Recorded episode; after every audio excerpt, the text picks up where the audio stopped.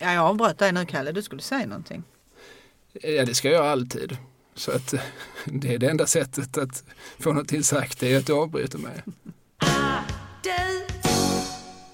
Adu, eller möjligen adu, ifrågasättande eller bekräftande, det väljer man själv. Det är podden som pratar om Malmö, med Malmö, för Malmö, i Malmö.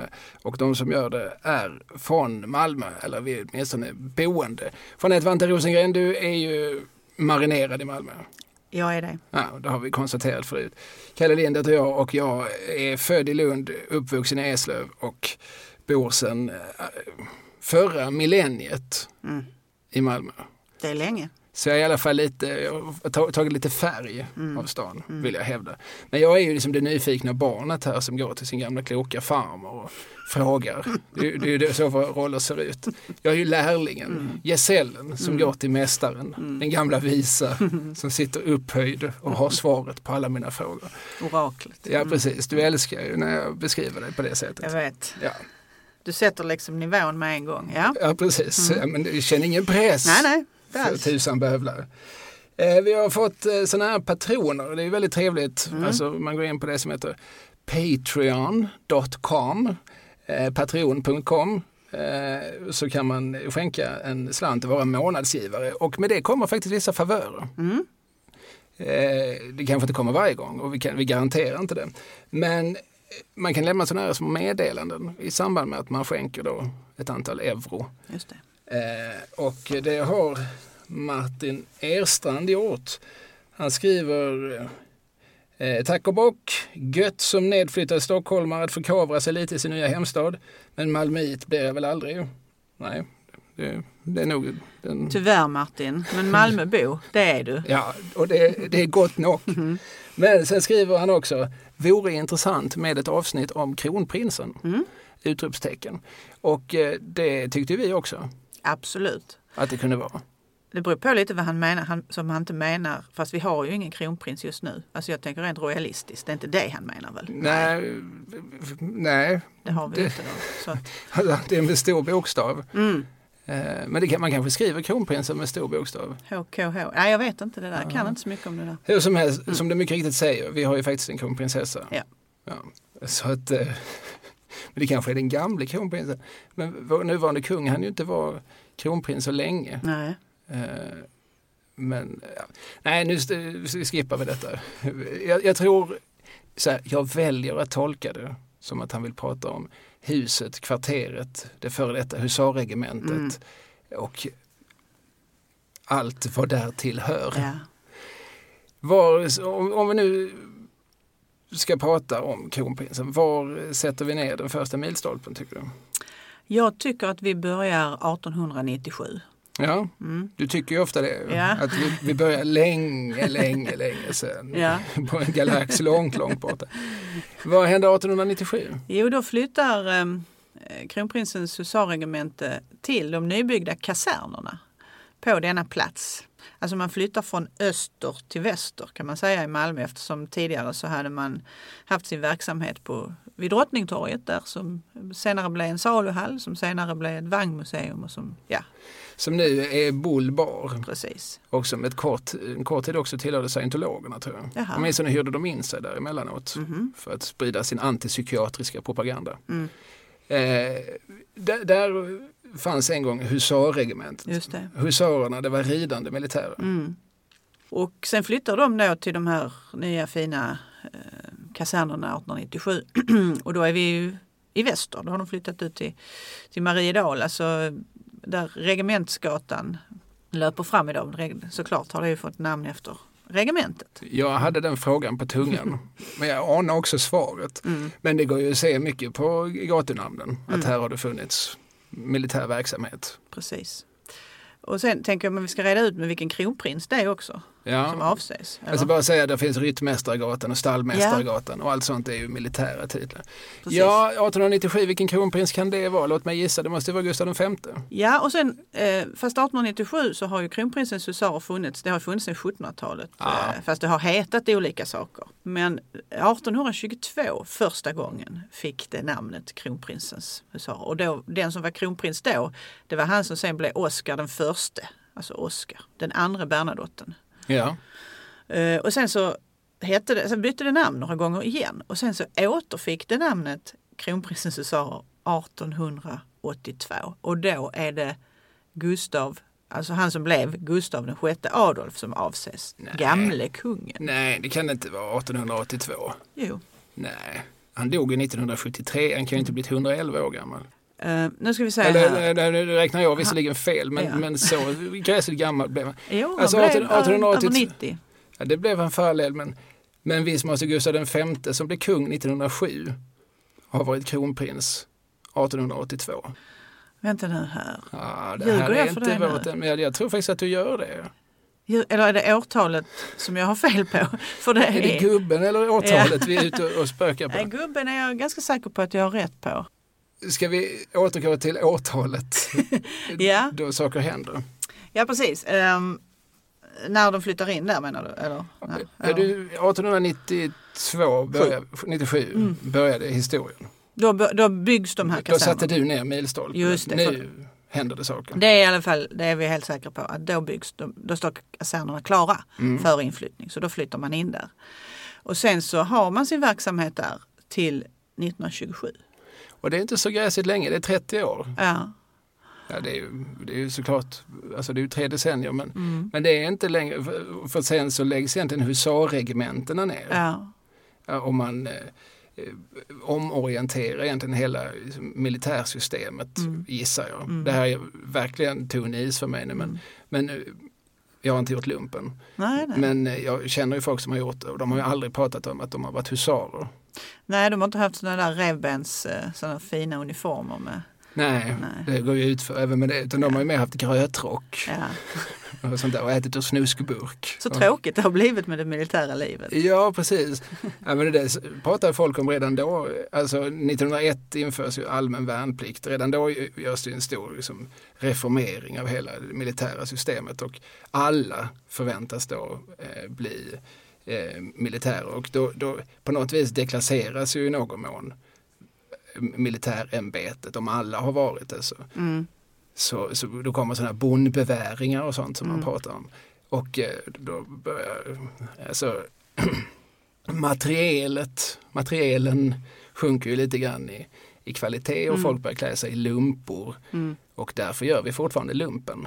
Just det, det är så det kommer. Ja, det är faktiskt så. Mm. Eh, alla som har sett militärer från förr när de går runt i, i kasketter och Mm. med epauletter på axlarna och så. Man kan ju tycka vad man vill, men nog var de lite tjusigare. Verkligen. De var ju betydligt, ofta mycket bättre med mustaschvaxet. Ja. Det är ju en konst som har lite grann kommit tillbaka på gamla, gamla dagar. ja, Inte bara bland militärer, men, men generellt så såg de bättre ut. och stövlarna. Ja, stövlarna. Som man kunde spegla sig Ja. i. Så här, de såg bättre Mm. ut 1897. De var säkert inte särskilt mycket bättre på att strida då än vad de är nu. Nej, men de var snyggare. Ja, och det är också en del av, av uppdraget. Det var det ju då för tiden. Det var ju mycket Mm. liksom, offentliga parader och, och, och den sortens utåtriktade verksamhet, där man, alltså propagandistisk verksamhet. Mm. Det var ju ändå måste varit en ganska central del av uppdraget i ett land som inte har krig. Precis. Men jag tänkte på det här med, med eh, själva husen. Alltså, det, ble- det, det, fa- fast husarerna försvann därifrån så var det ju en viss eh, hästverksamhet kvar eh, sen. Eftersom det var olika ridskolor och sånt som höll kvar i stallarna. Så hela det området, och ska vi börja, eller börja med, vi har ju redan börjat, men, men ska vi eh, säga alltså, vad som är kronprinsen? Mm. Alltså, är det ett kvarter vi kallar kronprinsen? Eh, ja, precis. Som omgärdas då av Regementsgatan, Mariedalsvägen. Vad heter den då? Vad Östra, blir det sen då? Är det Östra Stallmästargatan? Eller heter den bara så på andra sidan Mariedalsvägen? Det är en bra fråga. Men, eh, Fågelbacksgatan är också där med fast det är ju inbyggt i kvarteret på något sätt numera. Mm. Och, och, och sen har du också idrottsplatsen Mm. som, som måste vara, utgöra någon form av, av gräns i, Mm. åt, eh, åt öster då blir det väl. Precis. Mm. Eh, så där finns fram till att dagens kronprins byggs. Där finns det alltså fortfarande kvar kaserner. Mm. Och, och redan 27 när de la ner den militära verksamheten så öppnade man en dansrestaurang där som hette just Kronprinsen. Mm. Och sen hette det det i tio år tills det bytte namn till Arena. Och där undrar jag väl en gång i tiden den unge Östen Warnerbring till exempel. Ja, han har ju sagt, eh, hur var det nu, Eh, Amiralen var lite finare men Arena var lite skitigare. Alltså Ja. han gillar ju att vara där. Han tyckte att det var bättre stämning på något sätt. Där var det vanliga folket. Mm. Det riktiga folket som vissa säger. Vi har ju pratat tidigare om Marie Andersson här i ett avsnitt. Det har vi gjort. Och- Malmöförfattaren. Precis. Och hennes bok Dåliga människor som också blev föreställning. Där dansar de just på arena ganska mycket av tiden verkar det som. Ja, där fanns den här figuren som vi väl också pratade lite om, Putte Hågen, Mm. som var någon sorts eh, swingpjatt. Eller vilken beteckning man använde på just den subkulturen. Men han var en eh, spelevink, eh, utåtriktad eh, med flabben med sig. Mm. Och är det arena han... Han är är arena, han- kung på arenan. Ja. Mm. Nej men för det hörn, alltså vad pratar vi för klasstillhörighet i, i den delen av stan eh, om vi pratar första halvan av 1900-talet. För idag skulle jag ju säga att, eh, att västra Malmö är en utpräglad medelklass stadsdel Mm. med ganska dyra lägenheter generellt och eh, ja, en ganska hög andel. När jag jobbade på häktet en gång i tiden, för 20 år sedan, då sa de att i Käppastan bor de tre pena. Mm. Poliser, plitar och pensionärer. Mm. Ja. Jag vet inte om det låg, eller någon form av sanning låg det väl där i då för tiden. Eh, Men då pratar vi ju någon sorts eh, ja, mellanskikt. Jo men det är säkert så men man får också tänka då att eh, det är på 30-talet som ganska mycket i Slottsstaden byggs. Alltså funkis eh, byggandet tar fart och det finns ju liksom inte innan då. Och det är ganska nytt och sådär så att det är väl medelklass då också tänker jag, de som flyttar in där. De är kanske lite övre medelklass till och med. Men eh, om man bor där, var jobbar man då gissar vi? Eh, På den tiden? Ja, Mm, då kan jag tänka mig att det är en hel del som är, ja men man, man kanske är eh, disponenter någonstans, tänker jag. men det är alltså inte, det är inte kokomiterna som bor där? Nej det är det inte, det inga arbetarstadsdel. Utan det är de som förmännen, Ja. de som pekar med hela handen. och ja, vad man nu är. De som sitter uppe på kontoret Mm. på Kockums Mm. eller på Strumpan eller Mm. på vilken, vilken industri vi nu är på. Ja. Ja. Ja, nej men det är precis, det är, inte, det är ingen arbetarstadsdel. Nej. 1897 så uppstår ett regemente som sen finns kvar i 30 års tid. Hur, hur många bor på regementet, vet vi det? Hur stort är det? Eh, nej, jag vet inte det. Nej. Nej, alltså idag, jag vet inte var regementen ligger riktigt. Det finns väl inget i Malmö. Men det kan man ju se på massa områden att förr i tiden så, så fanns de ju i städerna. Mm. Alltså det, det är ju, i Lund var ju också ett regemente Mm. från början. Alltså inte i städerna men dikt an städerna. Christiania Mm. i Köpenhamn på Mm. Kristianshavn var ju också ett regemente. Precis. Alltså med någon sorts omedelbar närhet till större städer. Och det var väl rimligt, för blev det krig så var det väl dumt att ha militärerna långt borta. Precis, det är smart. Men jag tänker också att de, de, eh, de spred ju också glans och fägring åt staden på något sätt. Med alla Mm. de här paraderna och när de figurerar i olika sammanhang i sina ståtliga uniformer. Det gillar ju folk. Och de hade också en orkester ofta som spelade. Ja, så är det nog fortfarande. Mm. Det finns nog fortfarande militärorkestrar Mm. och så som har ganska hög kvalitet på sina musiker Mm. eller musikanter. Och jag tänker, det skapade ju också arbetstillfällen åt andra. För att eh, Ebba Olsson som ju bodde i det här Ebbas hus. Du vet Malmös minsta lilla museum. Vid Karolli. Precis. Ehm, på Snapperupsgatan där. Hon jobbade ju och hennes mor också om jag inte minns fel med att tillverka just sådana här snörningar åt husarerna. Hemmajobb liksom. Mm. Man ingen arbetsplats för det kunde man utföra i hemmet. Sånt där. Så i 30 års tid är det ett regemente Mm. och sen så lägger man ner regementet. Och i, i mellantiden där. Jag tänker bara en liten rolig detalj. Mm. Per Albin Hansson, Ja, vår gamle statsminister. ja, jag känner till honom. För- Uppvuxen på Kulladal. Ja. Och eh, gjorde sin militärtjänstgöring just där. Mm. Mm. Sen var ju han verkligen en av dem som var med om att banta hela det här systemet. Inte lägga ner riktigt men banta det något helt enormt. Så. Det är lite Du tror det finns en koppling? Jag tror det finns en koppling mellan. Ja, nej, men så, det gör det ju många gånger. Många av de här liksom, socialdemokratins pionjärer, de hade ju ofta liksom en det finns ju många berättelser. Mm. Berättelsen om Gunnar Sträng som Mm. växte upp som statare. Eller berättelsen om eh, som vi har nämnt flera gånger, Erik Svenning, Ja. den röde patriarken här i stan som, som var uppvuxen på Lugnet och som Mm. ansåg det var den, liksom den, den ståtligaste fjädern i hans hatt. Det var ju att han fick riva Lugnet. Precis. Så ibland hade de ju såklart sådana här liksom personliga eh, gamla schismer som, Ja. som de nu med politisk makt kunde göra någonting åt. Mm. Så det kan vi väl kanske gissa att, eh, att det kändes bra för Per Albin att eh, sätta kniven i sina gamla officerare. Mm. jo, Eh, nej men eh, vad vi säga om, om husarregementet och den tiden? Är det någonting mer vi, som bör belysas? nej alltså det, man kan ju, det finns ju en fantastisk bok om det. Det blänkande eländet heter den. Skriven Mm. av Thomas Sörensen som handlar just om hela eh, om husarerna i Malmö helt enkelt. Allt vad de höll på med. Ja, vad höll de på med? Ja. Det var ju inte mycket till krig tänker jag. Nej, det var det ju inte. Och den boken kan man också läsa mycket om hur den var alltså det var en hel del manlig prostitution faktiskt på den här tiden som just husarerna då eh, var inblandade i. Som de ägnade sig åt på sin fritid? Ja. Mm. Eller var- var det de som var köparna? Det kanske var bägge och. Ja, det var nog båda delar faktiskt, men ofta var det väl de som var säljarna. Och då gick man ner i Slottsparken eller? Ja, gjorde man. Eller Kungsparken kanske, för det är närmare va? Ja just det, jag Ja. lär mig aldrig vilket som är vilket. Ja, det är vilket som det. Man kan gå på båda hållen där. Men ja, Men Slottsparken det är den som är runt slottet. Och Kungsparken är den som inte är runt slottet. Kungsparken är den som ligger vid Slottsgatan. Det är, Ja. inte, så, det är inte så logiskt Nej, alltid. det är det jag menar. Men, men slottet kan man i alla fall hänga sig fast i om man ska ha någon form av minnesregel. Mm. Slottet åsyftar alltså Malmöhus. Mm. Ja, okej, men sen lägger man ner regementet eh, och det vet jag inte om Per Albin personligen kan vara så inblandad i och han satt i riksdagen vid tiden. Ja.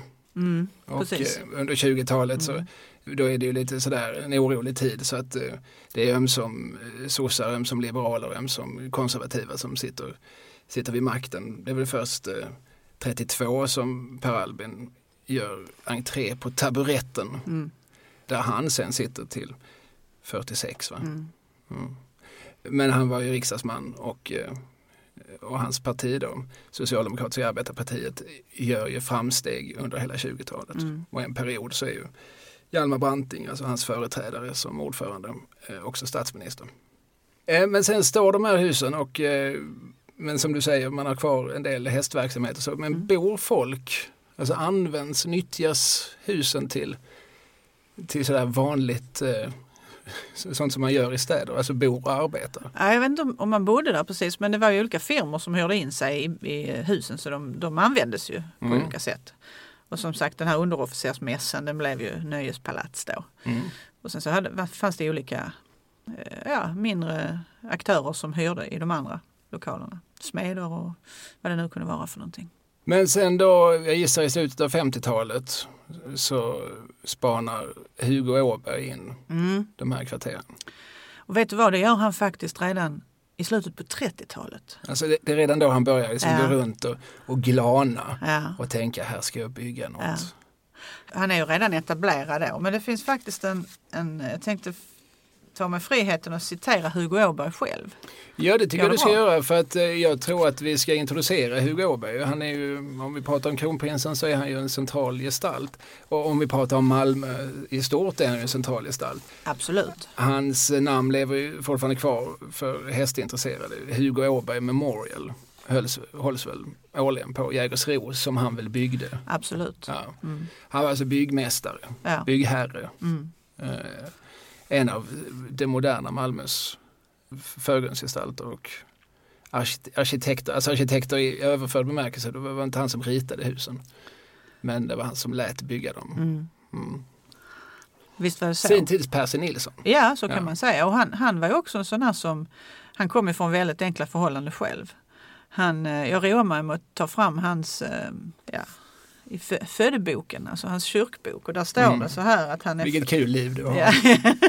Avundas du mig? Ja, ja, lite. Nej men eh, där framgår det att han är, och det var också i en församlingsbok där det stod så här att han är född vid Bulltofta vaktstuga med W då. Bulltofta vaktstuga vid Malmö Simrishamn med C. Malmö Simrishamns järnväg. Just det, alltså då är vi på dagens Kirseberg. Ja, Mm.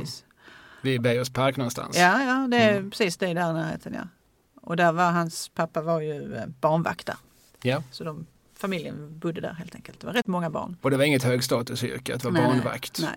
Att vara stationsinspektör, det vill säga stins, eh, var ju på mindre orter ändå någon sorts, eh, då var man någon, en man i staden på något Mm. vis, men fortfarande en lägre man i staden tror jag. Mm. Men barnvakt var några snäpp nedanför i, Mm. i hierarkin. Så att han gör den här resan från ba- barnvaktspojk till statsgrundare Mm. eller till en av stadens stora män. Mm. Hur gör han den resan? Han, var, han, han gick ju först i pappas fotspår lite grann. Han var rallare ett tag vet jag. Och så Mhm. var han ute och jobbade som dräng. Han var så här hår- hårt kroppsarbetare helt enkelt. Och sen så tog han sig in på och blev, eh, yes, liksom hjälpte till. Bygg, byggjobbare på byggen och var hela tiden på något sätt besjälad av att han ville vidare och längre fram och högre upp och hade idéer för hur han skulle genomföra detta. Så han var, det står i allt, i allt som skrivs om honom så, så står det mycket tydligt att han är en self-made man. Mm. Han började med två tomma händer. Mm. Det är ju som en klassisk berättelse, inte minst skulle jag säga från liksom vår bild av USA och så liksom många människor, den här liksom historien om, eh, ofta då om pojken, mannen som inte har något men som är list och drivkraft och eh, någon sorts inre motor bygger ett imperium. Mm. Och det skrivs ju, jag vet att det fanns, när han fyllde 60 år så gjorde man en vänbok till honom. En bit av Malmö. Heter den. Då har man ju liksom tagit med alla de områden som han dittills hade varit med och bygga. En väldigt fin och påkostad bok. Förordet är skrivet av Gösta Netzén som ju då var landshövding. Va? Och då gör han en poäng av att skriva om Hugo, Hugo Åberg i förordet att han är minsann ingen som har belastat eh, eh, lärdomssätena med, med någon närvaro. Alltså, han, har, han, han är icke-akademiker. Han är lite dum i huvudet. är, det det, är det det vi ska läsa mellan raderna? Jag vet inte hur han tänker liksom kring det för att han har ju ändå, den här boken är verkligen, det här är en man som har gjort oerhört mycket. Men, Ja, han nej, men han har- inte läst några poäng på universitetet. Nej, men han har gjort den här resan trots att han inte har försänkningar i akademierna. Alltså det är väl skrivet, eh, alltså, så, så var det ju med många av de här socialdemokratiska tidigare gestalterna. De hade ju av, av liksom uppenbara skäl inte möjlighet att skaffa sig någon akademisk utbildning. Men det gick bra ändå. Mm.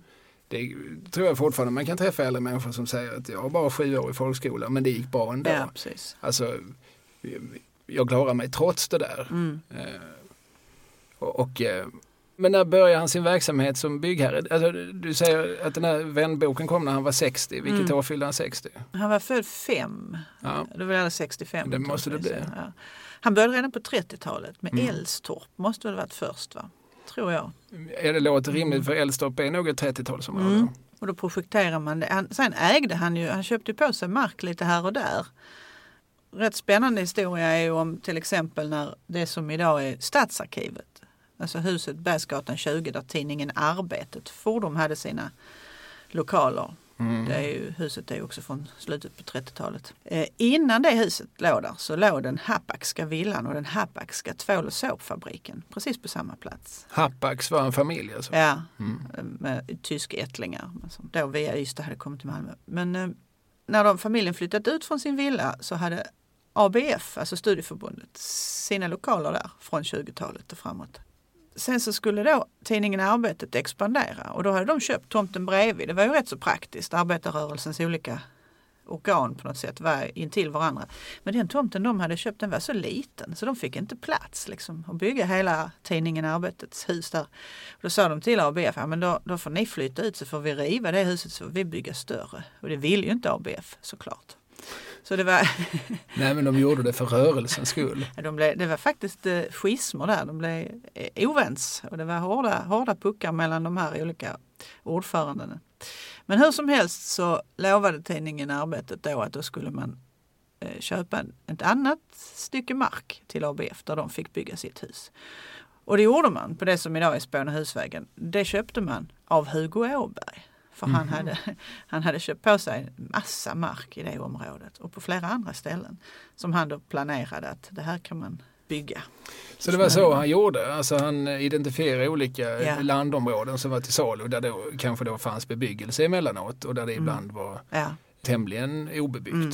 Och, eh, och sen så successivt då så eh, lät han bebygga dessa. Mm. Eh, Och jag gissar att det här gjorde han ju inte utan kommunens goda minne. Nej, han, nej. han måste ju ha haft eh, tidigt haft tumme med stadsarkitekter och eh, de som står för, vad heter det här, plan, Ja men precis, Gabriel Winge då som var stads, stadsplaneingenjör på Just den här det. tiden. mm. För övrigt son till Oskar Winge. ja, ja, som var, Du som gillar genealogi. ja precis, Oskar Winge som alltså var Hippodromteaterns eh, konstnärliga ledare och upptäckte både Edvard Persson och Nils Poppe. Just det. Ja. Ja, men Gabriel Winge och Hugo Åberg de var, eh, jobbade mycket tillsammans och även eh, Torsten Ros som var arkitekt, ledande arkitekt i många av de här byggena som, som det sen blev av Hugo Åbergs planer. Men Elstorp var först, vi kan väl vara rätt så överens om det. Sen så fortsatte det med olika andra delar då. Och i slutet på 30-talet då har han, han flyttat in själv i liksom, om vi har Regementsgatan och så har vi kronprinsen, nuvarande kronprinsen-komplexet på vänster sida om vi kör ett det hållet. Vi, vi kör mot Fridhem. Vi kör mot Fridhem, Mm. precis. Så eh, kör vi över Maridalsvägen och sen första huset på vänster hand därefter. Där bodde Hugo Åberg själv. Ja, där har jag varit på fotvård. Är det så? Mm. Jag hade en liktorn. Jag är ju en gammal man. Ja, ja, ja. ja, ja. Det är klart jag hade en liktorn. ja det är klart man har. Ja, Ja, vem har inte det? jag, jag, jag vet inte, många tror jag inte har liktornar, men jag hade det. Så, så då gick jag ovetande om att detta var klassisk mark. Ja, Men en bit upp i samma hus bodde alltså då Hugo Åberg i sin kraftsdagar. och Klara och deras dotter Ulla. Ja, som gick ju tiden för inte så länge sedan. Nej, precis. Och, och som ju är den som tog över imperiet. Och, Mm. eh, ja, vi kommer väl dit sen, men familjen Åberg bildar ju liksom en lång kedja över hela, över hela 1900-talet. Eh, och en bit in i, i vårt sekel. Och det finns ett antal sådana här gubbar, men han är väl den som, som är mest bekant. Det finns Erik Sigfrid Persson Mm. som byggde, vad var det han byggde? Sommarstaden heter det så? Friluftsstaden. Friluftsstaden ja, till exempel och Ribbertshus och mycket runt Davidshall och sådär. Just det. Mm. Och, och inte minst det hus där vi sitter. Ja, det visade sig att det var så. Det kollade du ju upp såklart efter ditt första besök här Mm. på, på Jäknegatan 1. Att här har tydligen Erik Sigfrid Persson till och med bott personligen. Mm. Så var det. Ja, så var det. och Hugo Åberg, han, han bodde, alltså, var det då adress Regementsgatan eller var det adress Maridalsvägen? Då bodde han på eh, Regementsgatan 56 var det ja. Mm. Eller är det fortfarande. Och då tänkte jag att be att få återkomma till när han står där liksom, tittar ut genom sina fönster. Så, så säger han så här själv. Eh, det var strax före krigsutbrottet 1939. Den 1 april var fastigheten på Regementsgatan 56 färdig. Från fönstret i min lägenhet stod jag och tittade ut över gamla husarkasernen. Med all respekt för det pietetsfulla, men någon tilltalande avslutning mot staden av det slottsstaden som höll på att växa fram utgjorde inte kasernbyggnaden. Jag lekte med tanken att här fanns något att göra för att skapa en siluett som rätt kunde smälta in i miljön. Men hur? Efterhand började jag så smått grovskissera planerna och då hade jag två speciella riktlinjer att följa. För det första gällde det att skapa bostäder men samtidigt också introducera höghusidén. Tiden gick och planerna började ta fastare form. Det gällde att gruppera huskropparna kring det planerade höghuset så att man samtidigt med att hög, höghuset fick en arkitektonisk tilltalande inramning kunde utnyttja markområdet på 37 800 kvadratmeter rationellt. Och det här säger han, tänker han 1939 och först 25 år senare står det färdigt. Mm, Alltså, då är hans vision fullbordad. mm, Så, och, och I mellantiden så bygger han ju såklart på hundra andra ställen också. Mm. Men, men det här är, förstår vi, och särskilt tänker jag om, om man till och med bor där själv och det här är vad han blickar ut över varje Mm. kväll efter en hård dags arbete. mm, Eh, att det här är ett som personligt projekt mm. för Hugo Åberg. Det här är inte bara ett kvarter i mängden utan här ska någonting definitivt, här ska det sättas ett utropstecken. Mm. Precis, en accent på något sätt. En, Mm. ja. Och det är väl hans stora magnum opus kanske man inte kan säga om en byggherre men det var väl det som var hans, ja. Ja, det, vi säger det. ja. Har vi sagt det Mm. så får folk ha synpunkter. vad de vill, ja, ja. precis. Ja, men åren går. Alltså det här, som sagt, det här händer inte på en eftermiddag. Nej. Utan när, när, när köper han upp de här husen? Då? Jo men han, han hade redan köpt det då och det skulle sättas igång och byggas men eh, det brann ju. Han ju brinna innan det skulle rivas.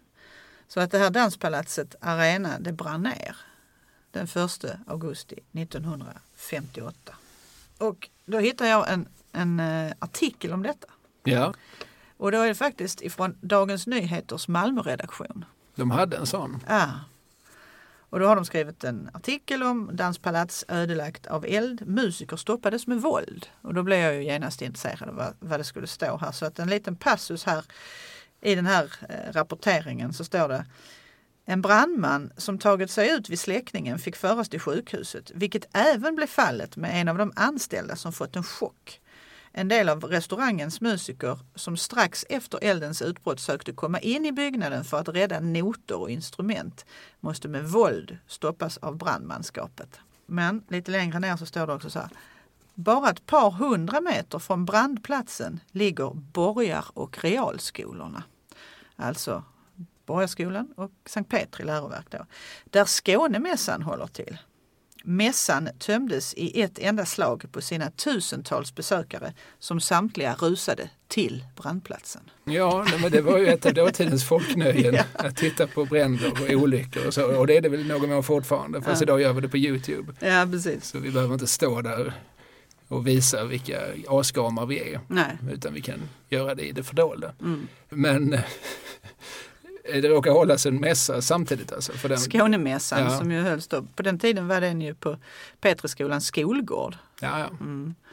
Så det var ju nära och så. Men det är klart om tusentals människor strömmar till det måste ju varit väldigt störigt för brandmännen tänker jag. Det kan man tänka sig. Ja, och för de stackars musikerna ja. som febrilt försöker rädda sina noter.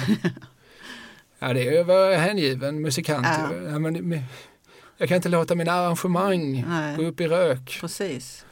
Nåväl, så då brinner det ner och, och det är liksom en, en trigger då. Alltså nu måste vi bygga någonting. Ja, de hade, det skulle ju vara den sista säsongen som skulle inledas precis dagen därpå. Alltså sista säsongen för Arena och sen skulle Hugo Åberg och grävskoporna ta hand om alltihopa. Men eh, nu kunde man ju Vet vi någonting om orsaken till banden fast det är spekulationer om att den eventuellt var anlagd eller sådär? Ja, det är lätt att fundera i de banorna klart men jag har inte lyckats få någon... Eh, det stod att den startade i en garderob. Ja. ja. Ja, nej, men vi ja. låter den frågan hänga i luften. Ja. Men vid det här laget har alltså Hugo Åberg bestämt sig för och han har fått eh, mm. för att det tar ett antal år såklart att bygga kronprinsen. Ja det gör det ju. Ehm, visst precis, så man börjar ju redan då eh, slutet på 50-talet och sen så håller man på ända till 64 står det sista klart. Då är allt färdigt. Mm. Och arkitekten är den jag nämnde Torsten Ros. Mm. Och eh, kronprinsen, jag tror att när man säger kronprinsen till folk så tänker de i, i första hand på höghuset, mm. skyskrapan, mm. Eh, kronprinsen. Men, men det, är, det är faktiskt hela kvarteret som är kronprinsen. Precis, det är fem hus totalt. Två tiovåningshus och två sexvåningshus och så det höghuset. Just det. Mm. Och allt det här byggs på något vis i en klump ja. på en och samma gång. Och det där är ju lite fascinerande för att, för att höghuset är ju vill jag hävda, det är ju spännande mm. arkitektoniskt och så här med de här, hur många miljoner mosaikbrickor är det? det finns den, har du den uppgiften? Nej, det har jag faktiskt inte. Nej, men den, den är tillgänglig. Jag tror att du kan hitta den på Malmö stads hemsida. Eller ja. så för, för, det är ju otroligt många och det är, de blir ju ljusare och ljusare ja. ju högre upp på, på huskroppen man kommer för att ska... idén är ju att det på något vis ska flyta ihop med himlen. Precis. Sådär. Och det är ju, alltså där har de ju alldeles uppenbart tittat på USA, på ja. New York och Chicago. Och, och liksom skyskrapor som vi från 20-30-talet någon gång blir en, en het grej mm. i de amerikanska metropolerna. Mm. Men de här andra byggnaderna som är någon sorts gråbrun beige betong. Där känns det mycket mer som när man tittar på den andra dåtida supermakten det vill säga Sovjet ja. och, och, deras idé om, om mäktig arkitektur. Där de tyckte om de här liksom stora kolosserna, stora mäktiga, ganska stumma kolosserna där, där ingenting liksom blänker och ingenting, alltså man har tagit sig bort från, om man på tidigt 1900-tal jobbar väldigt mycket med detaljer. Om man går runt och tittar på hus från tidiga 1900-talet så är det mycket små fresker och små, eh, små statyer och statyetter och så överallt på huskropparna eller på husfasaderna. Allt det har man ju skalat bort för däremellan så kommer funkisen och sen dras den till sin extrem. Mm. Och, och det, som det som åtminstone jag förknippar med en, en typisk öststatsarkitektur utan att ha varit där så mycket och sett den på plats. Det är ju det här väldigt strama. Mm. Lite skrämmande tycker Mm. jag att den är. Mm. Och det tror jag också är tanken att den ska vara. Ja men så är det säkert och det var inte helt okontroversiellt kontroversiellt heller. Liksom, och de fick ju mothugg eh, väldeliga i början. Man tyckte, folk ville inte bo i sådana höga hus tyckte man ju. Och det här Då är- pratar vi om skyskrapan. Eh, Ja, både det men också de här tiovåningshusen. Det man tyckte de också var för höga. Mm. Och nu kommer jag inte ihåg vad de hette. Kungliga kanske byggnadsverket eller byggnadsrådet eller så sa ju absolut nej till det här. Det hängde ju heller inte ihop med den övriga kontexten där alla andra hus runt omkring var, var mycket lägre. Alltså de som var byggda där på 30-talet och de ännu äldre husen som också finns på Regementsgatan. Så att eh, de fick ju kämpa hårt för att få igenom det här. Men eh, Hugo Åberg han fick oftast igenom det han ville. Ja, det fick han ju. Ja, alldeles uppenbart. Så, så att hur som helst, ett av husen tycker jag signalerar USA och Ja, fyra tycker ja. jag då signalerar den, som sagt den andra supermakten. Och Mm. jag har ibland undrat om det fanns en tanke med det här. Alltså vi, vi pratar ju tidigt 60-tal. Sverige är ju så oerhört neutralt. Står hålla liksom- sig vän med alla. Liksom. Ja, stå på någon sorts balansbräda, att man på något vis vill flörta med, med bägge de, de dominerande supermakterna. Eller tagit intryck av, jag, ser jag menar inte att de gjorde detta för att kunna bjuda in jänkar och sovjeter utan men mer att det är liksom de idealen som, som finns i tiden. Mm. För båda de här stilarna signalerar ju väldigt mycket modernitet. Ja, det var ju verkligen modernitet, absolut. Men det jag har aldrig läst att han, han har sagt någon gång någonting, alltså Hugo Åberg då, om att, att eh, Sovjet var inspirationskälla. Men USA nämner han ju ofta. Han har ju Mhm. varit där och rest och tittat naturligtvis och tycker att det var absolut det modernaste, kom ju därifrån. Och modernt är ju Mm. ett oerhört positivt laddat ord Mm. på 50-60-talet. Är det modernt så är det automatiskt bra. Mm. Eh, alltså, med, med det moderna så Mm. kommer också eh, ett lättare liv. Mm. Ett, och också lite fräckare liv. Eh, Regementsgatan, den snutten som sen går från Kronprinsen och bort till Fridhemstorget. Det, den är ju, än idag det ser man ju mycket liksom, reminiscenser från 50-talet. Mm. Mycket så här neonskrivstils, eh, Visst. butiks. eh, Mm. Och, de, och de flesta av dem har nog slocknat idag men jag kan tänka mig att på, på 60-talet att gå från Regementsgatan och ha kronprinsen i fonden att det måste nästan ha känts som att vara i Chicago. Ja men det tror jag absolut. När de Ja, lös och när det ja. var folkliv, när det fanns biografer. Och, Precis. Människor var ute och rörde sig. Och, mm. Jo men det är, det är klart att det betyder någonting för Malmö. Det, det är ungefär som man jämför med när Turning Torso var nytt och det är väl fortfarande så att man ser mycket turister stå där och fotografera. Och det är klart att man gjorde det vid Kronprinsen också. Och det kom ju människor som var intresserade av arkitektur och så resandes från när och fjärran för att titta på detta fantastiska underverk. Det var ju, ja, det var ju Malmös högsta hus fram till Turning Torso. Ja, det var väl rent av Sveriges högsta Ja, bostadshus. ja. Mm. Alltså inte högsta byggnad men väl högsta Ja. bostadshus. Du kunde inte bo högre Nej, än vad du kunde göra i Malmö. precis. Och det, det, allt sånt är, ju roligt. För mig säger det någonting om Malmö, att man, man har olika saker man har velat ståta med. Förr i tiden, för inte så länge sedan, stod ju fortfarande norra Europas högsta pariserhjul i Folkets Ja, park. precis. det stod ju på en skylt. Ja, absolut. Ja, då vet vi kanske att nej, det på Liseberg kanske var några meter lägre, men det stod ju betydligt högre upp. För det stod ju trots allt på ett berg. I Malmö har vi inga berg. Så att hur högt vi än bygger så blir det ändå inte lika högt som det blir naturligt på andra ställen. Men strunt samma. Men till eh, kronprinsen har jag uppfattat det som att man skröt med att här har vi norra Europas största parkeringsgarage Ja. i ett plan. Ja, Man, man, måste göra den reservationen för det finns större parkeringsgarage. Men det finns inte i ett plan Nej. någonstans i norra Europa, var det nu börjar. Det är lite oklart. Börjar det i Tyskland eller börjar det i Malmö? Det vet vi inte. Eh, Ingenstans hittar du så stort parkeringsgarage Nej. i ett plan. Jag har ju varit där någon gång, jag tycker det är väldigt obehagligt för att Mm. här, här måste man kunna gå vilse hur lätt som helst. jag tror man kunde vara 1300 bilar där från början. Jag vet inte hur det är nu. Nej, men det är ju många. Ja, ja. Och från början så fanns det en mack där nere Mm. och eh, så här bilservice som, Mm. jag, som jag dessutom har förstått var dygnet runt öppen. Ja, var det en sorts bilhotell. Man kunde ju få servning och ja, allt vad det nu var tankat och smort och fixat. Och det är så gulligt också för att det här är ju en tid då, då liksom Sverige går och lägger sig klockan 22 Mm. när Hyland har sagt godnatt. Mm.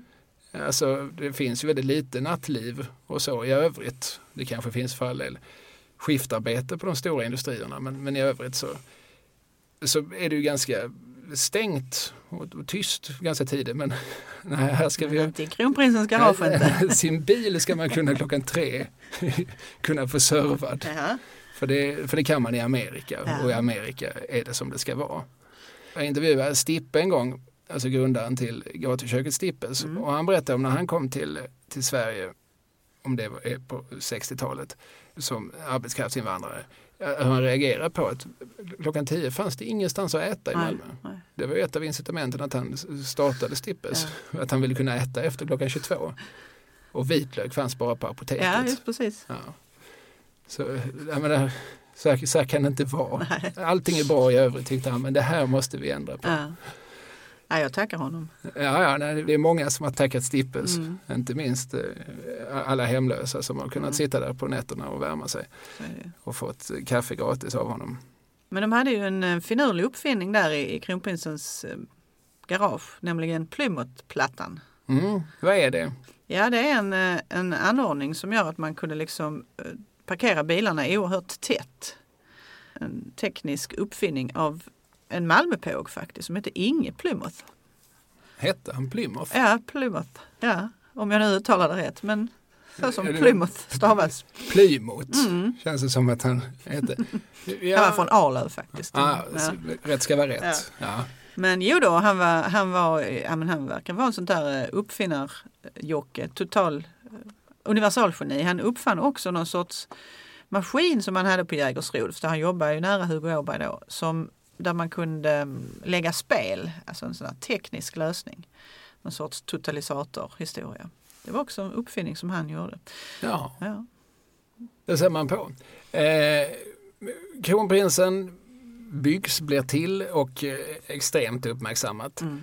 Men visst är det så att folk vill bo där? Ja men absolut, visst vill folk det. För det här är ju en, en stad i staden också. Man ska ju ha det med sig. att Det finns ju alla sorters bekvämlighet och service som man inte har på samma sätt på andra ställen. Man bygger in i, i det här centret eh, allt vad du kan tänka dig. Läkarmottagning, Bowlinghall. mm, fäktningshall, kyrka. Eh, man har ju intern-tv. Ja, det är ju fascinerande. Ja.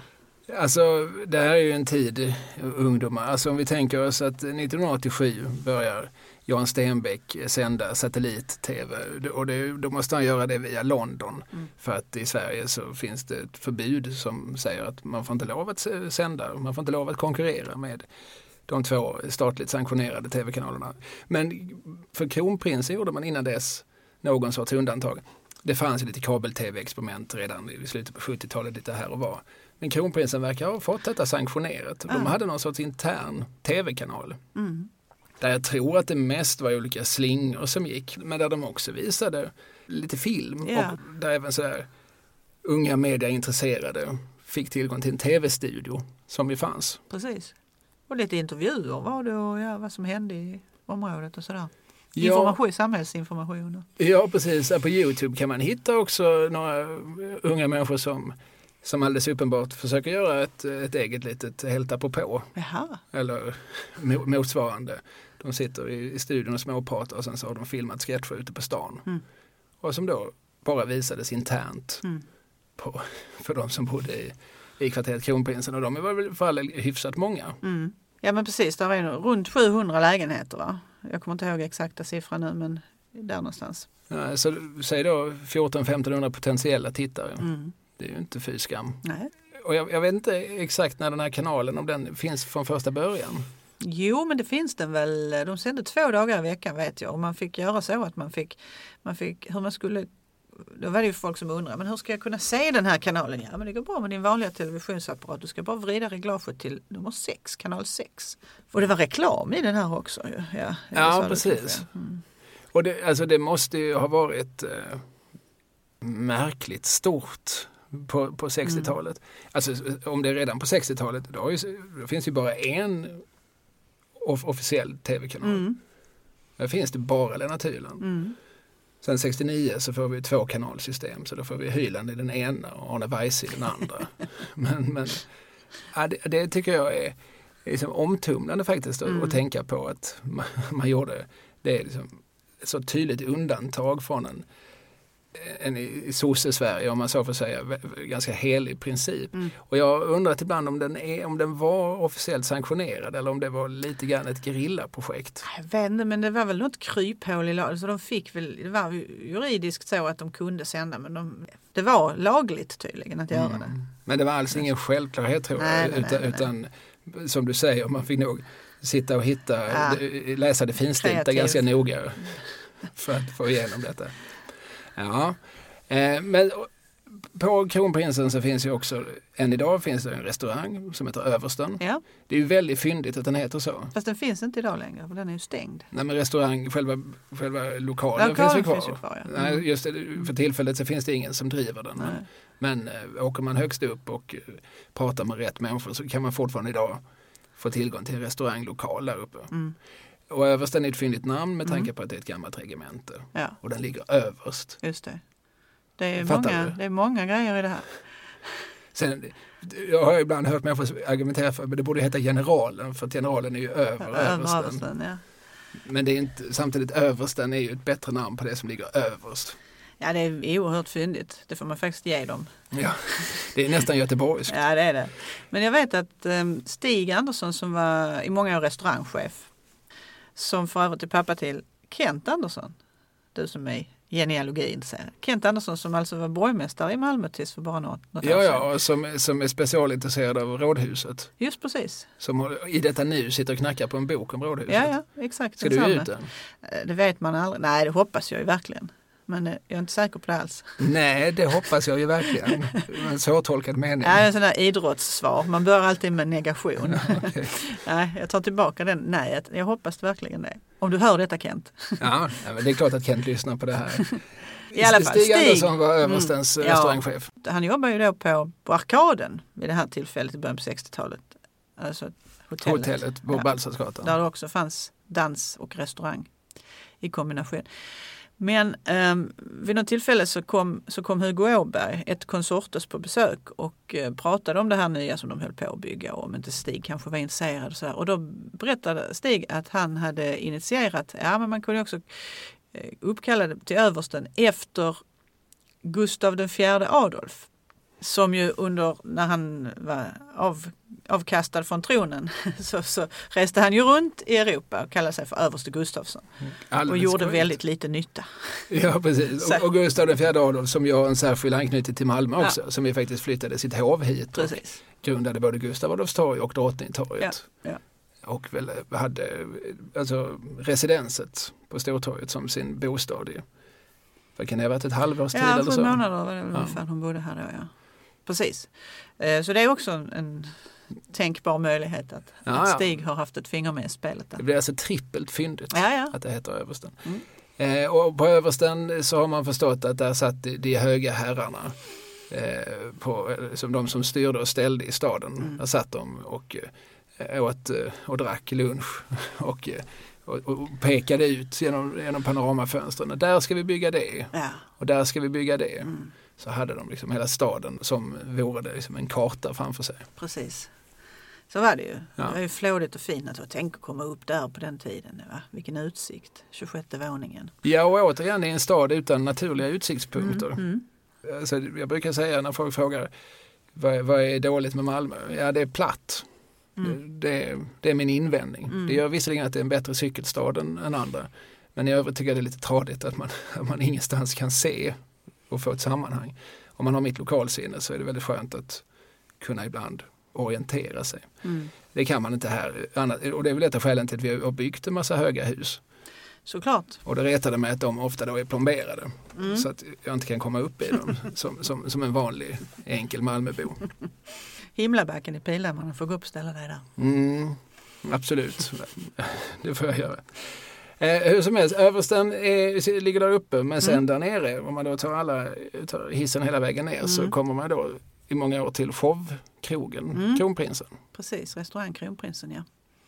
Och den är ju en sorts nav från 60-talet och sen så monteras den sakta ner under 90-talet. Här. Mm, det är 30 år där från 61 till 91 kan man väl säga som, som den är igång. Och, och det är mycket med den också. För Man pratar om kronprinsen när det, när det är nytt så är all, det är mycket sådana här Sveriges största, Sveriges längsta, Sveriges bästa. Men när man kommer till den här restaurangen då är det ver- verkligen så här Sveriges längsta bardisk hade man till exempel. Så där. 15 meter. Va? Ja, det är ju långt. Det är ju lång bardisk. Det ska vi inte ta ifrån någon. Men Sveriges enda höj och sänkbara scen, Kalle. Ja, men det är det här att den låg längst ner tycker jag är en konstig placering. Jag var ganska gammal när jag förstod det. Att Mm. Var det här krogen låg? Alltså, jag, I mitt huvud så var det ju uppe på översta Mm. de hade krogen. För det är väl liksom coolare att ha Mm. det med den utsikten. Men den ligger längst ner där det är relativt lågt i tak. Mm.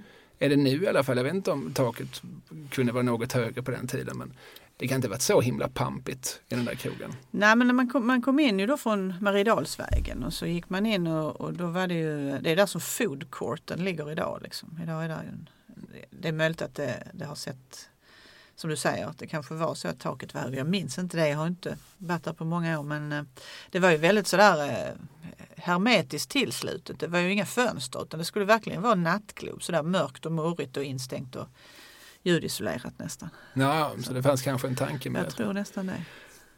Och där uppträdde hur som helst alla de stora. Ja. Eh, Det, var- det var ju som, eh, återigen 60, 70, 80-tal så är ju krogshowen ja. en stor företeelse. Då är det ju sådana här som Anita Lindblom och Mm. vår egen Östen Warnerbring, vår egen Eva Rydberg. Mm. ABBA börjar ju någon mån sin karriär som krogunderhållare med Mm. projektet Festfolket. Mm. Eh, och eh, Lill Lindfors, kanske liksom. Lill-Babs. One Woman Shows gjorde de och så. Eh, och sen så kom det ju också tillresta då. Mm. Judy Garland gjorde väl sitt näst sista framträdande någonsin Ja, det på gjorde hon. Kronprinsen. 69, precis. Ja, det var ju en, en um, hugskott där därför att det kostade 90 000 kronor att ta hit henne. För en enda kväll. Mm. Och det är ju såklart mycket pengar även den gången. Ja, det var nog ännu mer då. Ja.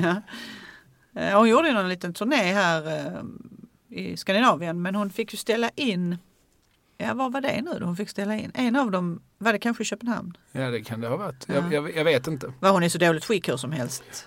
För att hon var ju i, ja, slutet av sin karriär och i slutet av sitt liv. Då ju, väldigt, Ja, hon var en sån som Tråkigt. tröstar sig med, med, med både sånt som rinner och sånt som är paketerat i, i pillerform. Precis. Men oavsett när hon kommer till Malmö så var hon eh, i bra form och gjorde ett jättebra framträdande, säger de som var där. Och sen så åker hon hem och gör sista gigget i, i staterna. Ja, hon gjorde faktiskt ett gig till i, kan det ha varit i det kanske var så att hon kom uppifrån så att det var Göteborg eller någonting man fick ställa in men sen gjorde hon Sen gjorde hon ett gig i Köpenhamn efter Malmö och det blev ännu bättre. Liksom. Alltså Och det de- var det absolut sista hon gjorde i livet. Ja, så att tre månader efter att hon hade framträtt på, på Kronprinsen så var hon död. Och hon var inte gammal heller, 47. Mm. Fram tills att hon kommer ut på scenen så, så var det knappt att de fick in henne där. Men sen kommer hon ut på scenen och då är ju cirkushästen igång. Hon gör alla sina paradnummer och avslutar med att sjunga Over the Rainbow sittande på scenen. Och då kastar folk blommor på henne, eller till henne, inte på henne för hoppas men En del träffar kanske henne men det, det stod hon väl ut med. Det finns ju en bok som eh, jag tror att du har läst som heter Alla var där. ja. Som eh, har underrubriken Stjärnorna på Kronprinsen 61-91. Mm. Som skrevs av eh, den framlidne Kvällsposten journalisten Christer Borg. Och eh, som, vem är det som har gett ut den då? ja, det är Kira förlag faktiskt. Jaha, Mm. och vem, vad är det för förlag? Ja, det är ju ett Malmöbaserat förlag som ger ut sådant som handlar om Malmö. Kulturhistoriskt intressant. Jaha. Ja, ja. Eh, hur som helst, den här boken har jag framför mig. Mm. Och redan på omslaget så ser man ju att eh, här, här har vi crème de la crème. Givetvis ser vi också Christer Lindarw. Mm. After Dark var ju som en av 80-talets stora krogshowsakter. Mm. Eh, det, det är väl Ann-Louise Hansson som Ja. drottning Silvia där. Visst. Eva Rydberg och Östen Warnerbring som Kurt och Majken. Ja. Eh, som, Eslövsparet. Precis, de, de eh, sy- syntes en del på tv på 80-talet. Eh, han var väldigt eh, så här, tvålfager med Mm, mustasch och mycket flott i håret. Lasse Berghagen, Stig Järrel, är det Siv Eriks jag ser på Ja. bilden? Landskronatösen, Siw Malmkvist, Tommy Körberg, alltså det är ju och här har vi danskar också? Sven Asmussen och Alice Babs. Ja. Och här är två killar som jag har en särskild relation till, Hasse och Tage. Mm. De gjorde sin lilla fickrevy Lådan 1966. Jag tror, den hade nog officiell premiär på Kronprinsen. Mm. Den har haft inofficiell premiär först i Lund där Hasse studerar och sen i Uppsala där Tage studerar. Men jag tror den officiella premiären var på Kronprinsen Mm. någon gång på hösten 66 med Gösta och Fatima Ekman i ensemblen. Mm. Så där har de stora elefanterna dansat. Ja men så är det ju verkligen och, och eh, i början på 60-talet så var det mycket varieté. Ja, skådenummer så kallat. Ja, och akrobater och allt möjligt. Och det är sånt som funkar ju då just på en internationell publik. Mm. Och då var väl en, en hel del av besökarna, för det var ju tämligen dyrt, det var ingenting som den vanliga kokomiten hade råd att gå på dagligen i alla fall. Nej, det var finkrog ju. Det var Ja. mycket representation där. Och då skulle man ju inte sitta och behöva lyssna på långa texter som skulle behöva förstås utan man skulle se enkla saker som eh, blev till glädje i ögonblicket på något vis. Så tänkte man väl. Men sen så eh, mer och mer så närmar man sig den svenska scenen så då kom ju alla de här stora och de var ju långa perioder att spela det här. Allt från Karl Gerhardt till Povel Ramel. Så det var ju liksom månader i sträck som man, som man spelade. Och ibland för utsålda hus. Sven-Bertil Taube vill jag minnas, var det inte så att han gjorde, att han dels hade ett engagemang på Malmö stadsteater och så cyklade han därifrån Mm. och cyklade ner till Kronprinsen för att sen ha one man show efter. Precis, jag tror han spelade Kiss Me Kate mot Ma- Marianne Mörk då va? På Se där. Jag mig det. Precis, och så cyklade han snabbt som ögat och hade kvällsföreställning. Ja, det är en arbetshingst, det Ja. måste vi ge Sven-Bertil. Ja. Ja. Jag tänkte Då på... hade han ångan uppe Ja, ja. när han gjorde entré. Eh, Christer som du nämnde, Borg, salig i åminnelse, han har ju berättat för mig en rolig anekdot om just Sven-Bertil, när du nu förde honom på tal. Eh, som just Stig Andersson berättade, Stig Andersson som då var Restaurangchef. Precis. Och vid ett tillfälle så skulle då Sven-Bertil framträda på Kro- Kronprinsen med en show. Han skulle ha sin pianist där, Ulf Björlin tror jag han hette va? Mm. Och då eh, var Sven-Bertil inne med Stig och diskuterade arrangemangen, hur det skulle se ut då på scenen. Och han var mycket om sig kring sig kring det här. Och ja, jag tror att vi ska ha en speciell sorts matta under flygeln. Ja, det skrev Stig Andersson. Matta, det skulle vara så. Och sen så, ja det ska vara en vit flygel naturligtvis. Och Stig han skrev en vit flygel. Ja, sen så vore det passande om vi på flygeln hade blommor såklart. En blomsteruppsats. Ja, ja, han skrev. Långskaftade blommor ska det vara. Ja, han skrev långskaftade blommor. Och sen så skulle det vara trevligt om de var i en fantastiskt fin kinesisk vas, säger Sven-Bertil. Mhm. Mm. Och då så säger Stig Andersson, ja, är det någon speciell dynasti herr Taube tänker sig? Det är roligt. Ja, det, Kvicktungat. ja, det får man ju säga. Hade Sven-Bertil svar på detta? Kunde han ta det? Mhm. Jag tror absolut att det gick bra. Stig Andersson var ju en sån här väldigt, väldigt uppskattad person har jag förstått. Som alla artister hade ett gott förhållande till. Jag minns ju också ett tv-program för övrigt som, jag- bara för det tappar namnet, på någon timme stjärnor som Östen Warnerbring skulle leda. Han gjorde två program och sen fick han en hjärtinfarkt. Stjärnklart. Stjärnklart hette det. Mm. Och Hasse Kvinnaböske hade en egen liten slott i det programmet. Det här sändes nämligen på, i SVT på fredagskvällar, Mm. primetime. Mm. Så det här satt jag och tittade på. Uh, Gösta Linderholm tog sen över Östens programledarskap. Eh, och Hasse satt och gjorde mjölkdrinkar. För det var under en period när han var sponsrad av Skånemejerierna. Gav han inte ut en singel till och med? Tack jag vet jag mjölk och mackor. Det går inte av för hackor. Brunsås ska det vara till söndagssteken. Jag vill ha fett på min kotlett. I kaffet är liten gräddeskvätt och en extra klick med smör i kagesmeten. Jo, den gjorde han. För Skånemejerierna. Så, att, så han satt där liksom genomsponsrad och fick alltså en slott i SVT, den oberoende public service, en av två tillåtna kanaler eh, och gjorde reklam för mjölkdrinkar varje fredagkväll. Ingen skugga över Hasse, men att SVT lät det sippra igenom, det tycker jag är ett minus. Nåväl. ja, det är intressant det där. Det var ju också väldigt eh, populärt det här. Det gick ju på Kronprinsen sen och sen sände man väl vad sa du, en gång i veckan va? Jag, jag tror att det kanske gjorde sex program eller så Ja. för att tv-produktionen havererade lite grann. För det var ju, alltså, tanken var ju att det här skulle vara Österns program. Mm. Och sen så fick han ju då ställa in. Det var väl en hjärtinfarkt han fick? Ja, och, eh, och hjärnblödningar faktiskt så att, samtidigt. Var det då han vaknade upp i ambulansen och det första han sa var äh, håll flabben. Är det så? Ja, för att eh, du vet, du kan ta pågen från Malmö. men du kan aldrig ta Malmö från pågen. Så det som ligger närmast till hans att säga när man vaknar upp är äh, håll flabben. Ja, det är klart det. Han är från Hagagatan, jag menar. Ja, ehm, men han kom tillbaka igen ju. Så- Inte inte till kronprinsen, men han kom ju tillbaka till scenen i alla fall. Mm. Just det. Det gjorde han, men jag tror att Mm. eh, just det här tv-programmet var väl inte aktuellt att göra mer då. Nej. Så att eh, där har ju även kronprinsen fyllt det som en funktion i, i Nöjes-Malmö. Absolut. Visst var det så. Och idag, vad kan vi säga om kronprinsen? Alltså, jag får ju en känsla av att eh, det här eh, köpcentret nere i botten, att det har sett, sina, att det har sett bättre dagar. Ja, och man försökte ju ändå för några år sedan att ge den en nytändning, en nystart. Och, men eh, när Ulla Åberg gick ur tiden, vi ska ju kanske säga det också, om Just man bara det. Rekapitulerar vi säga. familjen Åberg lite grann. Mm. Att Det är bra att du plockar upp den tråden från en halvtimme sedan. Hugo Åberg och hans hustru och dottern Ulla, de, de hade ju en hästgård uppe i Mellanskåne någonstans och så när de skulle eh, åka hem så kraschade de med bilen. Det här är 1969. Och Hugo Åberg dör omedelbart och hustrun dog några, ja, någon vecka senare eller så. Men Ulla, dottern, överlevde.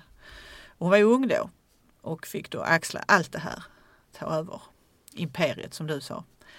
Eh, men hon gjorde det eh, med bravur får man väl säga.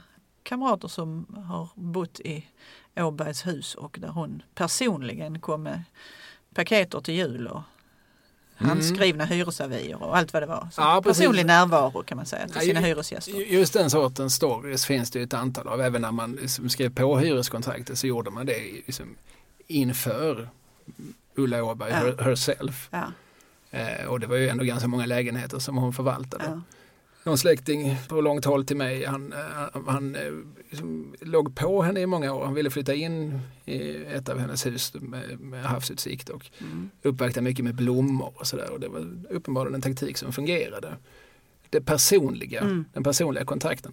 Det kan man ha invändningar mot att det inte är så det ska skötas, det ska finnas, det ska vara rutiner och det ska förvaltas på ett särskilt sätt Mm. och så. Men det var så eh, Ulla Åberg gjorde och det var de regler som gällde i, i, inom hennes eh, fastighetsimperium. Mm. Eh, och hon dog när? ja, kan det vara en eh, lite mer än tio år sedan va? Kan det vara? Ja det är inte mer än så Nej, vill jag tro. 2007 kanske? Ja. Tar jag lite så, plockar luften. Men i det häradet. Och då har hon alltså sedan 69 Mm. förvaltat sin faders arv. Men då är det ju liksom fastighetsbeståndet som redan finns och hon låter inte bygga så mycket Nej. som, som fadern gjorde på sin tid.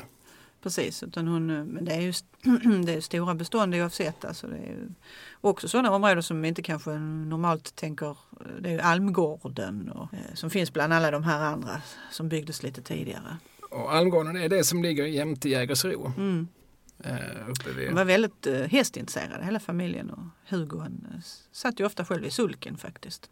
så det var ingen slump att han byggde Jägersro. Nej det var ingen slump. Det var inte bara för att eh, Och villastaden intill också ju. Hela, ja. Nej, nej, han hade ett personligt, eh, personligt um, hästintresse som blev till Jägersro. Det bowlingintresset blev ju också till bowlinghallen i Kronprinsen-komplexet. Så. Ja, nej, men, Ja. det, är väl, det är väl rimligt. Hade jag byggt ett hus så hade jag kanske haft eh, sett till att det fanns en rejäl hemmabio. Ja, Så man kan titta på gamla Bröderna Marx-filmer i, i bra surround-ljud. ja, Det kanske jag också hade gjort så att säga. Men, men de, det är ju intressant med de här, den här sortens patriarker från den tiden. Hur de liksom är så personligen hands-on mm, i, i processen och har med sina personliga preferenser och sina personliga visioner och så. mm, Det är inte ett konsortium som sitter i Frankfurt am Main och eh, inte riktigt har en aning om vad de äger för byggnader i andra städer på jorden. Så som det lite grann förhåller sig idag. Entré till exempel Mm. ägs väl av ett tyskt konsortium. Ja, Och de skiter ju hur det här ser ut. ja, naturligtvis. Det gjorde ju inte Hugo Åberg. Nej, han, nej, han var ju personligen engagerad i, Ja. i varje mosaikbricka på kronprinsens fasad. Det var han sagt. Jag ska bara, man kanske ska vara tydlig också med att det var inte han som liksom byggde Jägersro från början. Jägersro fanns ju innan. Det var ju Christian Lauritz Müller som också var faktiskt byggmästare som var med och grundade det. Bara så inte någon... Vad gjorde Åberg då? Om han inte Ja, men byggde det, det nya moderna Jägersro får man Ja. säga. Mm. Var det även han som stod bakom Jägersros center? Bra fråga. Ja. Du, vi låter den hänga i luften. Ja, det till, vi. så kanske vi besvarar den i ett kommande avsnitt. Mm. Är det någonting mer vi behöver säga om kronprinsen? Någonstans så slutar vi här 69. Alltså sen dess har ju det här huset stått där och Mm. det har säkert varit populärare under vissa perioder än under andra. Mm. Eh, De senaste åren har de ju främst blivit uppmärksammade för de här kraftiga översvämningarna som har blivit i garaget ett par vintrar. Precis. Och så byter man ju, för, det- för det vi pratade om också det här med när Ulla Åberg sen dog och så var det ett annat fastighetsbolag som tog över det här. Då, eh, man har ju sagt att man ska byta allt det här fasadkaklet. Oklart när bara, för det har stått ställningar på huset oerhört länge. Mm. De kanske byter lite då och då. Mm. Någonstans läste jag att man hade svårt att få fram de här original, alltså de här olika blåa färgnyanserna. Nyanserna. Mm. Som ju, jag vet inte om det är fem eller åtta, jag har läst båda. Men Som du berättade om olika i början, nyanser, ja. Att man hade svårt att få fram de här nu eh, för att kunna byta kaklet så- att det ska se ut som det gjorde innan.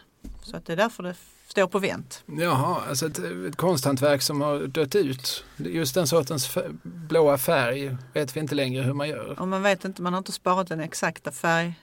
Blandningen. Ja, Ja, det kan också vara så att det gjordes på ett sätt som idag betraktas som kraftigt miljöfarligt. mycket möjligt För det var ju inte ovanligt med olika saker Nej, nej, man, nej, man, man glatt gjorde på 50-60-talet. Att vi idag ser på det, nej men vänta det här Asbest. Det, ja, det kan ju vara så. Jag säger inte att det är så, jag har ingen aning. Men man kan ju säga också att det, det finns ju allt från, när huset stod klart så fanns det allt från enrumslägenheter till sexrumslägenheter. Så det är Mm. en rätt så stor, stort spann, även om de flesta var treor. Liksom. Och så gissar jag att det fortfarande är. Sen så Ja. kanske ett par har slagits ut Mm. eller förminskats med tiden. Det vet vi Mm. inte. Men, men eh, överlag får vi gissa att de har ungefär samma, samma struktur nu som då. Mm. Ja, nej men eh, kronprinsen och sen som vi också sa då så småningom kommer Torson och eh, blir ännu högre. Mm. Men ja, jag läste någonstans att kronprinsen är idag det tredje högsta bostadshuset. Jaha, det är så. Vilket i så fall är andra. Eh, Alltså, jag, Alltså i, i Sverige pratar vi nu? eller nej, är det jag, Malmö? jag tolkar det som Malmö men jag, hoppas, Åh. jag kanske tolkade fel. Är det någonting ute i Hyllie kanske då? The Point? Eller? Ja, kanske i så fall ja. Mm. Ja men det låter väl som ett rimligt antagande. Vi kanske har fel, då får man gärna rätta oss. Mm. Det kan man göra på adupodd snabelaggmail.com. Podd med två D. Vi välkomnar alla former av input. Ja då. Men när kronprinsen stod klart så måste det ju ha varit över allt annat dominerande. Ja, Det kan inte funnits så. någonting som ens var i närheten i höjd. Nej, för det man sen byggde in till som ändå kom ganska, alltså det var ungefär samtidigt, det var ju Sydkrafts. Det är ju en annan, det är inte Torsten Roos där utan det är Claes Anselm heter han som ritar sådär brutalistiskt också. Ja precis, det är Mm. mellan, mellan kronprinsen och eh, Akvakul. Ja, Eller det heter det inte längre men Ja, alla vet vad jag menar. Simhallen säger Simhallen, mediegeneration. Ja. ja men det heter det kanske igen. Ja det är möjligt att det gör det. Men Eh. det var ju inte alls lika högt nej. Nej precis. Det är ju på något vis signalerar det ju samma sak som åtminstone de, de låga delarna av, av kronprinsen. Det vill säga makt och brutalitet. Mm, Det kanske framkommer lite mellan raderna. Jag är inte så förtjust i sån arkitektur själv. nej. Eh, Jag kan till nöds acceptera det som jag gissar att du kallar favörhuset. På ja, Värnhem. på Värnhemstorget, ja. Ja. precis. AG Favör, ja. Ja, det, det, för det är ju extremt igen. Men just Mm. för att det är extremt så tycker jag att det har liksom ändå någon sorts eh, brutal, jag blev lite imponerad av det huset. Men oftast hus som är byggda i den stilen tycker jag är eh, tradiga. Jag förstår inte Ja. Va- varför det ska se ut så. Varför, varför kan det inte få, få blänka? Varför kan det inte finnas detaljer? Varför Mm. kan det inte få finnas skönhet? Varför kan det inte få finnas växtlighet? Precis, nej men jag håller med. Varför får det inte hänga ut olika stuckaturörnar från var och varannan trappuppgång som det gör i Rörsjöstaden till exempel? Ja, det är mycket trevligare med Ja. stuckaturörnar Ja. tycker jag generellt. ja. Ja, ja. ja men eh, vi har pratat en del här om kronprinsen. Jag hoppas vi fick sagt någonting av värde. Mm. Det får ju kanske vara upp till andra att avgöra. Som sagt, man kan mejla oss och som också sagt eh, så finns vi på patreon.com om man vill eh, sponsra, om man vill stötta, om man vill komma med en liten uppmuntrande euro eh, så att Vante har råd att läsa på. Vi får se vad vi ska prata om nästa gång, men vi kommer tillbaka om en vecka. Ja, vad kul. Då, då, som nu kommer vi att heta Adu eller möjligtvis Adu. Mm. Det är upp till var och en. Mm. Hej så länge. Hej. Sarvi. Mm. Allt beror